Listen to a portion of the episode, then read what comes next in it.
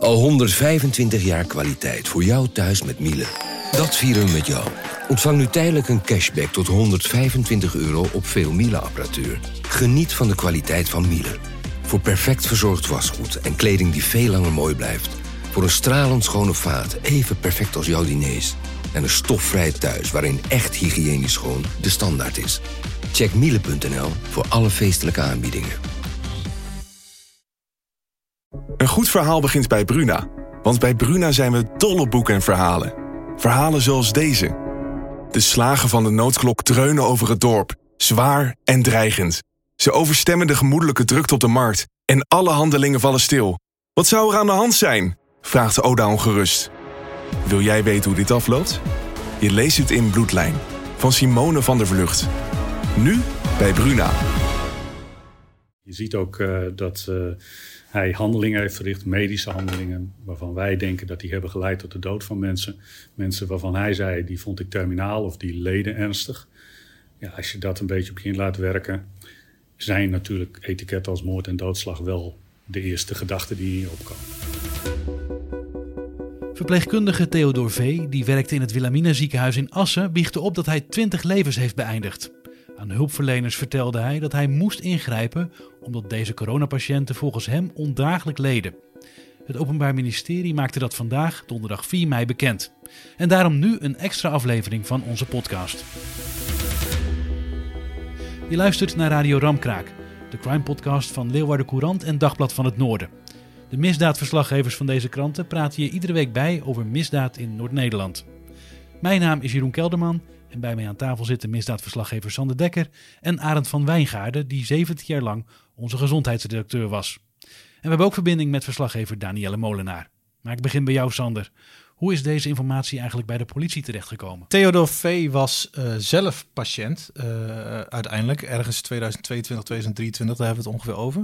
Uh, hij zat bij de GGZ Drenthe en hij heeft daar aan hulpverleners opgebiecht uh, dat hij betrokken zou zijn geweest bij zeker twintig uh, uh, levensbeëindigingen.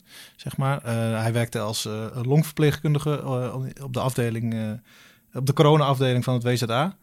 En hij heeft daar dingen gedaan waardoor mensen zijn overleden. Moeten we dan denken dat hij vroeging had misschien? Dat hij daarom hulp heeft gezocht? Ja, ja, die kans is wel groot, maar dat weten we niet zeker, nee. Nee, je was vandaag bij het Openbaar Ministerie. Wat viel jij daarop, wat zij, aan het, wat, wat zij vertelde?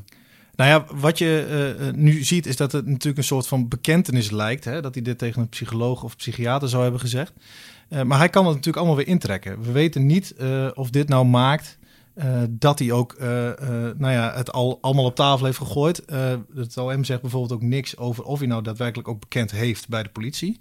Want dan heb je je advocaten erbij, dat is een heel ander spel. Hij kan het allemaal intrekken. Dus er zijn voorbehouders, maar ja, het is wel een hele sterke aanwijzing. Ja, persofficier Jan Hoekman, die jij hebt gesproken, die zegt er het volgende over. Nou, op zijn uh, verklaringen die hij uh, in het onderzoek aflegt, daar ga ik op dit moment niks, uh, niks over zeggen.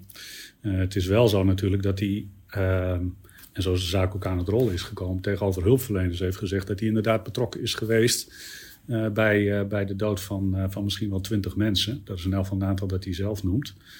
En ehm, ja, dat hij vond dat die mensen ondraaglijk leden en dat hij daarin moest ingrijpen. Maar uh, die gesprekken zijn gevoerd met een vertrouwenspersoon.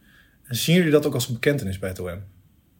Nou, het is informatie, laten we het zo zeggen. Kijk, uh, en, en al was het een bekentenis, uh, dan wil dat nog niet zeggen dat je dus ook je zaken rond hebt. Hè? Want alleen maar een verklaring van een verdachte is natuurlijk per definitie uh, onvoldoende. En dat is natuurlijk ook uiteindelijk altijd een verklaring waar je in zoverre minder mee kunt. Dit is informatie die we natuurlijk wel gebruiken in het onderzoek, maar het is eerder startinformatie dan dat we dit nou als een strakke bekentenis zien. Hmm. En waarom gaan jullie op dit moment nog niet in op de hè, proceshouding van, uh, van deze man? Het onderzoek loopt nog. Er zijn gewoon nog dingen die we uit willen zoeken. Uh, en daar, uh, dat kan betekenen dat we ook nog niet uh, informatie geven over hoe iemand zelf in een onderzoek staat, omdat we dat nog niet prijs willen geven aan mogelijke andere betrokkenen die we nog willen horen, bijvoorbeeld. Uh, dat was persofficier Jan uh, Hoekman van het Openbaar Ministerie. Um, Ja, kunnen we nu al spreken van moord? Of, of hoe moeten we het zien? Nee, dat is nog veel te vroeg. Uh, het Openbaar Ministerie eh, gaat in ieder geval uit dat hij medische handelingen heeft verricht zonder toestemming van een arts. Dus dat sluit in ieder geval uit dat hij bijvoorbeeld uh, nou ja, dingen heeft nagelaten en, op de corona-afdeling. Maar ja, dat hij actief dingen heeft gedaan waardoor mensen overleden, daar gaat het Openbaar Ministerie wel van uit. En welke hoedanigheid, dat weten we nog niet. En waar moeten we dan aan denken? Is het dan, moet je denken aan medicijnen of, of een stekker ja, je kunt, contact halen? Je, kunt je, ja, je kunt je heel veel dingen voorstellen, maar dat, dat weten we allemaal nog niet. Het onderzoek loopt nog. Uh, twee weken geleden begrepen we nog het tijd nog alsmaar uit. Dus uh, nee, dat, dat weten we absoluut nog niet. Wat is nu de volgende stap in het onderzoek? Uh, nou ja, dat uh, Theodor V. in ieder geval 30 dagen langer vast blijft zitten. En daarna wordt uh, beoordeeld of dat weer verlengd wordt. Dat is nu de stand van onderzoek. Er worden oud-collega's van hem, zijn verhoord, maar worden ook nog verhoord. Dus het Openbaar Ministerie zegt zelf ook niet of hij bekend heeft, zodat ze dat zo schoon mogelijk houden. Weten ze ook al wie de, wie, wie de slachtoffers nou exact zijn? Uh, nee, uh, want hij heeft natuurlijk dingen gezegd bij hulpverleners. Uh, maar ze moeten dat altijd dubbel checken. dus ze gaan nu medische dossiers door. ze gaan kijken bij inderdaad oud-collega's wat is hen opgevallen. Dus ze moeten dat altijd staven. Dus dat zijn ze nu aan het doen. Is dat nog ingewikkeld, Arend? Medische dossiers bekijken? Kan justitie daar zomaar bij? Nee, niet zomaar.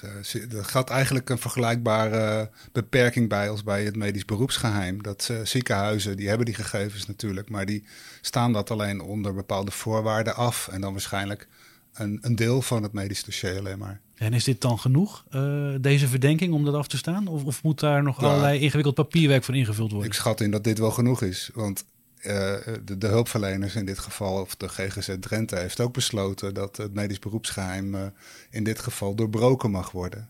Dus uh, het ziekenhuis zal daar waarschijnlijk ook wel toe beslissen, maar die zullen daar wel eerst met juristen over willen overleggen. Nou, het Openbaar Ministerie ervaart in ieder geval dat het WZA gewoon meewerkt in dit geval. Ja, artsen hebben toch een geheimhoudingsplicht. Hoe, hoe zit het daar dan mee? Kun je daar zomaar omheen ademen?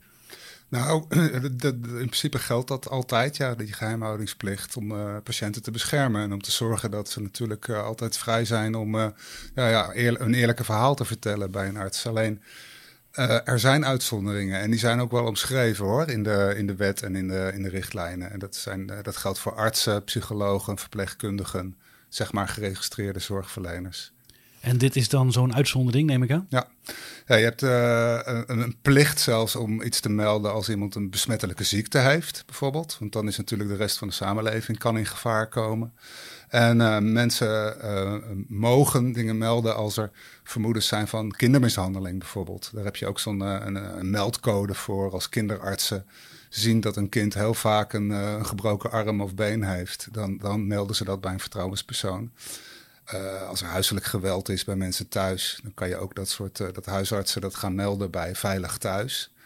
En, uh, nou ja, en, en dit is dus duidelijk ook zo'n voorbeeld van waar ja, een conflict van plichten is. Je hebt de, de, plicht van geheimhouding, maar je hebt ook de plicht van de, de samenleving beschermen. Ja, en kun je die beslissing in je eentje nemen of is daar een team voor nodig? Nee, daar zijn dan ook wel allemaal dingen over afgesproken. Ze moeten een heel stappenplan door, doorlopen. Ze moeten overleggen met hun, hun leiding in dit geval. Want uh, bij de GGZ Drenthe, we gaan ervan uit dat dat de GGZ Drenthe is geweest, omdat dat uh, bevestigd is. Maar bij de, de leiding van die organisatie, die, die, die heeft daarover overlegd met die hulpverleners en met juristen. En dan mogen ze naar buiten treden met een deel van het verhaal van de patiënt. Ja, hoe uitzonderlijk is dit, dat het op deze manier een zaak bij justitie terechtkomt? Mm, nou, exact op deze manier. Dit is natuurlijk een unieke zaak, de, deze zaak. Alleen, het komt veel vaker voor dat er uh, dingen, uh, nou, wat ik net omschrijf van kindermishandeling, uh, huiselijk geweld, dat die uiteindelijk bij de politie terechtkomen. Alleen artsen en hulpverleners zijn daar vaak wel heel terughoudend in hoor. En de, de, regels zijn wel omschreven, maar je ziet dat ze er vaak wel enorm mee worstelen. Dat ze in principe geneigd zijn om dingen niet te vertellen, behalve als er echt iets ernstigs aan de hand is. Ga ik even naar jou, Danielle. Hoe is er vandaag in het ziekenhuis gereageerd op het nieuws? Nou, ik heb uh, een uh, woordvoerder van het ziekenhuis gesproken en die zegt: het is allemaal nog steeds heel erg onwerkelijk voor zeker de naaste medewerkers van deze verpleegkundigen.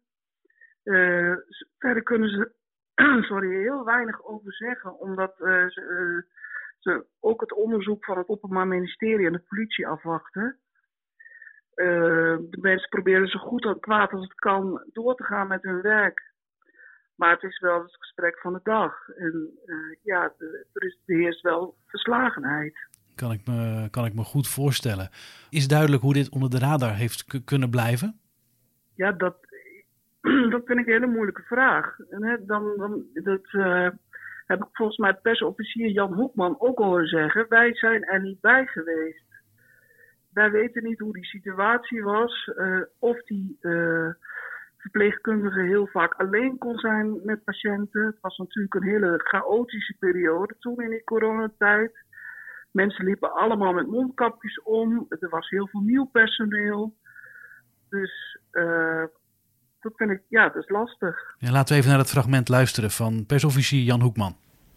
Ik weet niet of zij iets hadden kunnen zien of dat zij iets hadden moeten merken. We kunnen allemaal achteraf wel zeggen van, nou ja, weet je, toen, oh ja, toen deed hij dat. Dat ik eigenlijk misschien wel. Maar ja, dat is, dat is en heel begrijpelijk. Uh, want je, ja, je zit met die vraag, je worst daarmee. Je wilt misschien ook wel, ja, dat begrijp ik in elk geval wel. Je kan me voorstellen dat je ook niet wil voelen dat, dat, dat je het had moeten zien. Hè? Dat begrijp ik allemaal wel. Maar dan nog, uh, zelfs als er iets is voorgevallen wat je, wat je achteraf bezien, denk van nou, dat is allemaal, hmm, weet ik niet zo goed. Uh, dan nog is het natuurlijk niet, niet meteen een verwijt dat je jezelf moet maken. Ja, persofficier Jan Hoekman was dat. Heb jij nog iets gehoord van de nabestaanden? Hoe reageren die hierop? Ja, die zijn ook ja, misschien nog wel erger, denk ik, dan het personeel van het ziekenhuis. Totaal verslagen. En ja, die zaten zeg maar tot uh, twee weken geleden ja, misschien nog in de rouwverwerking of waren al uh, een stuk verder. Want de meeste mensen zijn al uh, twee of drie jaar geleden overleden en krijgen dan plotseling een telefoontje van de politie waarin wordt gezegd van ja, uh, u heeft destijds gehoord dat uw moeder of uw man is overleden aan corona, maar we hebben nu aanwijzingen dat mogelijk een verpleegkundige uh, verantwoordelijk is uh, voor de dood van uw man of van uw kind. Uh. En ja, dan, ja, dan hangen ze op en dan denken ze van wat, wat overkomt ons nu? En wat is er mee? Ja, wat was toch een verschrikkelijke tijd. Ze konden er niet eens bij zijn bij het sterven. En ze dachten van nou, dat is ons verteld. Iemand is vredig ingeslapen. En daar wordt, uh, dat wordt nu allemaal in twijfel getrokken. Ja, want uh, ik lees ook dat nabestaanden ja, klachten hebben over de communicatie eigenlijk. Dat ze vinden dat ze te weinig horen van, uh, van het ziekenhuis. Dat was zo, maar dat is, dat is wel verbeterd. En het ziekenhuis heeft het ook opgepakt. Uh, die, dat is mij ook verteld door het ziekenhuis zelf. En dat wordt ook wel bevestigd door een slachtofferadvocaat die heel veel met nabestaanden spreekt. Het ziekenhuis die, uh, heeft contact opgenomen met alle nabestaanden. Uh, iedereen die dat wil, die kan. Uh, want ze moesten eerst afwachten tot ze een lijst hadden van de politie met alle betrokken patiënten. Vervolgens hebben ze iedereen, de contactpersonen, de familieleden, hebben ze benaderd en gevraagd van hebben jullie hulp van, van ons nodig? Kunnen we iets voor jullie doen? Ze willen op huisbezoek komen, de mensen kunnen naar het ziekenhuis komen. Volgende week gaan ze opnieuw bellen. Uh, ja, de, wat ze terugkrijgen is dat, uh, dat de onzekerheid bij de mensen heel veel emoties oproept. Ze waarderen het dat, dat het ziekenhuis belt. Een deel die, die wil graag in gesprek. En anderen zeggen van ja, we wachten wel af. Want ja, het is nog zo onduidelijk op dit moment. Sander, uh, weet jij hoe het nu verder gaat? Uh, nou ja, we, we weten dat Theodor 30 dagen langer vast blijft zitten. En uh, dan wordt opnieuw beoordeeld of dat weer verlengd moet worden. Nee, uh, tot die tijd is, het, is het afwachten. Sander Dekker, Arend van Wijngaarden, Danielle Molenaar, dank jullie wel. Wil je op de hoogte blijven van het laatste nieuws over deze zaak en andere misdaadonderwerpen? Abonneer je dan op onze misdaadnieuwsbrief en wij sturen je iedere week een mailtje met de beste onderwerpen. Je vindt de link bij deze podcast. Dit was Radio Ramkraak, de crime podcast van Leeuwarden Courant en Dagblad van het Noorden. De misdaadverslaggevers van deze kranten praten hier iedere week bij over misdaad in Noord-Nederland. De muziek die je hoorde werd gecomponeerd door Guido Keizer. Mijn naam is Jeroen Kelderman en ik bedank je voor het luisteren.